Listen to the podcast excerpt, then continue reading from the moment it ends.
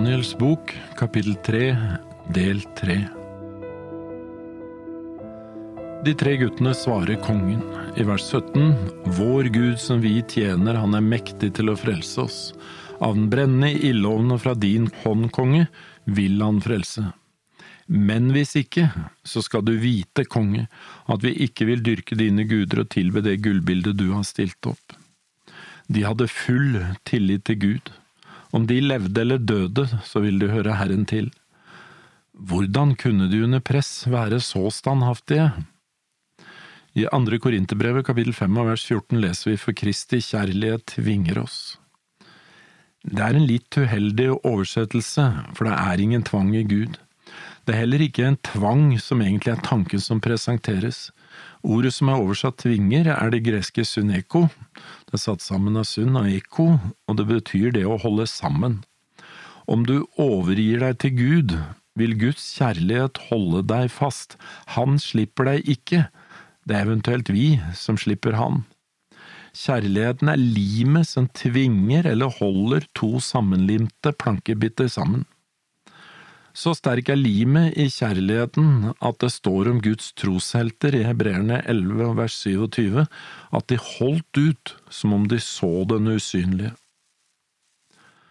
Paulus han skriver i Filippensebrevet kapittel 1 vers 21 For meg er livet Kristus og døden en vigning. Å forlenge livet her med noen få år var ikke verdt å bytte bort det evige livet for. De tre hebraiske gutta hadde noe som var av større verdi enn det kongen hadde og som han ønsket å gi dem. I vers 19 så står det da ble Nebukadnesar full av harme, og uttrykket ansiktet hans forandret seg mot Shadrach, Meshach og Abednego. Han ga befaling om at ånden skulle gjøres sju ganger hetere enn vanlig. Stoltheten til kongen handler. Og han bød noen sterke menn i sin hær å binde Shadrach og Meshach og Abednego og kaste dem inn i den brennende ilden. Så ble de bundet i sine kapper, bukser, luer og andre klær, og kastet i den brennende ilden. Så gikk det galt allikevel. Tenk om de hadde gitt Tetter bare litt, de behøvde jo ikke å bøye hjertekneet, bare lite grann i de fysiske knærne. Men de tenkte overhodet ikke slik. Situasjonsetikk hadde ingen plass i deres sinn, for Hananya, Mishael og Asarya hadde for lenge siden bestemt seg for hva de ville gjøre. Det var jo det de uttrykte for kongen i det de sa, vi trenger ikke å svare deg et ord. Kan du huske hva navnet deres betydde? Hananya, Gud har begunstiget, og Mishael, den som er lik Gud, og Asarya, Jehova har hjulpet. De sto fast på sin rett til å mene og tenke og tro hva de ville, og til å tjene og dyrke og tilbe den Gud de selv hadde valgt. Ikke den kongen hadde valgt for dem. Men hva skal vi gjøre med det Paulus skriver i Romerne 13, fra vers 1? Hver og en skal underordne seg de myndigheter han har over seg, for det er ikke øvrighet uten av Gud, men de som måtte finnes, er innsatt av Gud. Den som setter seg opp mot øvrigheten, står Guds ordning imot, men de som står imot skal få sin dom, for de som styrer er ikke til skrekk for dem som gjør godt, men for dem som gjør ondt. Vil du slippe å være redd for øvrigheten, så gjør det gode, da skal du få ros av den. En kristen underordner seg sitt lands lover, men når landet begynner å lage religiøse lover og forsøker å styre hvem og hvordan du skal tilbe Gud, da krysser de en grense.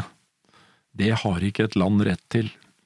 Det står da i Guds ord at den skal lyde Gud mer enn mennesker. Vi kan jo bruke Daniel og de tre vennene hans som eksempel. De var tatt til fange av babylonerne og måtte tjene for kong Nebukaneser. De underordnet seg da også Babylons lover, helt til det punktet slik vi ser i historien her, og som vi også skal se i kapittel seks, hvor de begynner å innføre religiøse lover.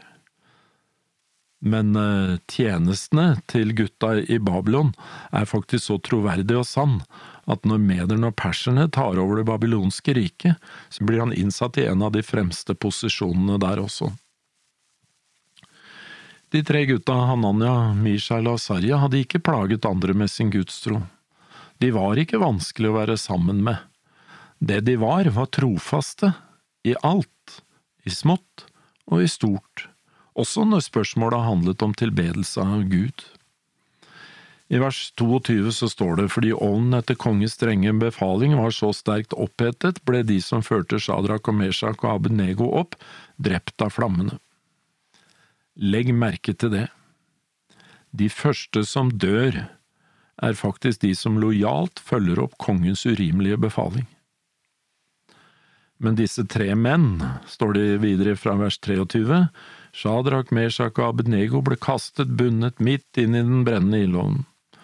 Da ble kong Nebukadnesar forferdet og reiste seg brått opp. Han tok to orde og sa til sine rådsherrer, Kastet vi ikke tre menn bundet inn i ilden? De svarte kongen, Jo visst, konge. Flammene skadet altså ikke Hananya, Mishala og Asarya, bare de som førte dem inn i ovnen. Nebukadnesar var forferdet, og han reiser seg brått opp. Egentlig blir han veldig redd. Prøv å sitte stille når du er redd, sint eller glad. Det er umulig.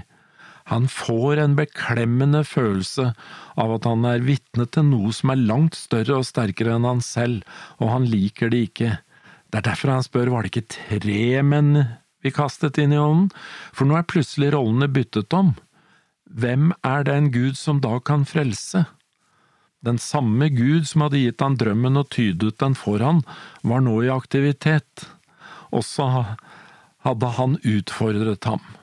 Hvem er den Gud som da kan frelse? Han hadde ignorert ham, og kongen er egentlig lamslått, jeg tror han føler seg ganske liten. Han tok da til orde og sa, Jeg ser fire menn som går løse omkring midt inne i ilden, og det er ingen skade å se på dem, og den fjerde ser ut som en gudesønn. En gudesønn skulle da altså allikevel være en slik gud som kunne frelse? Nebukadnesar går bort til døren i den brennende ildovnen og roper Shadrach, Meshach og Abednego, dere tjenere for den høyeste Gud, kom ut! Og da kom Shadrach og Meshach og Abednego ut av ilden. Jesaja han skriver i kapittel 43 og vers 2, Når du går gjennom vann er jeg med deg, og gjennom elver skal de overskylle deg. Når du går gjennom ild skal du ikke svies, og luen skal ikke brenne deg. Det var altså en gud som var mektigere enn Nebukadnesar. Jesus tok vare på dem i ånden, ja, han var til og med der sammen med dem. Ildens flammer skader dem ikke, men det var noe som brant opp. Tauene. De som bandt dem. Så ilden, det den gjorde med dem, var egentlig å frigjøre dem. Om du også må gå gjennom prøvelsens ildånd, så husk på Daniels tre venner. De kan forsikre deg om at de ikke så noe særlig vellystelig ut på forhånd, men de fikk erfare at Jesus var sammen med dem i det de måtte gå gjennom, og jeg tror at på samme måte vil han også være med deg. Og på samme måte som tauene brant opp, de som bandt dem, vil det som binder oss til denne verden også bli borte i prøvelsens ildovn. Jeg tror det er derfor Gud tillater oss å gå gjennom prøvelser. Satrapene, stattholderne, landshøvdingene og kongens rådsherrer samlet seg da. De så at ilden ikke hadde hatt noe makt over disse mennenes legemer, håret på deres hoder var ikke svidd, og deres klær var ikke skadet, og det luktet ikke brent av dem. I Matteus kapittel 10 og vers 30 så forsikrer Jesus også om at enda hårene på hodet vårt er talt alle sammen. Det er jo litt akkurat som om han har Daniels venner i sin tanke da, når han sier det. Håret på deres hoder, de var ikke bare talt, det var ikke svidd heller. Frykt ikke, sier vår Herre, for du har stor verdi i Guds øyne. Gud vil ta vare på deg også. Da tar han til orde og så sier han, lovet være Shadrach og Meshach og Abenegos Gud. Han sendte sin engel og frelste sine tjenere som satte sin lit til ham og handlet mot kongens ord. De våget sitt liv for å ikke dyrke eller tilbe noen annen gud enn sin egen gud. Omstendighetene tvinger jo kongen til en erkjennelse av fakta, men som vi skal se, det omvender han ikke. Gud sendte sin engel og frelste sine tjenere som satte sin lit til ham og handlet mot kongens ord. De våget sitt liv for ikke å dyrke eller tilbe noe annen gud enn sin egen gud. Det er det det dreier seg om. Tilbedelse. Det er kongen som sier det selv, han innrømmer det. Så kan vi jo stille oss selv et spørsmål. Tilber jeg den levende Gud?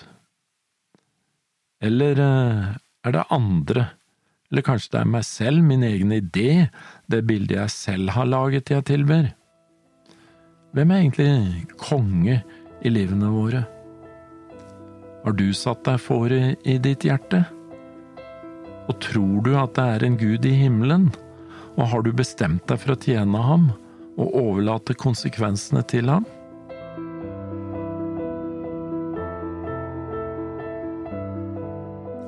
Så hvordan reagerer Nebukadnesar nå?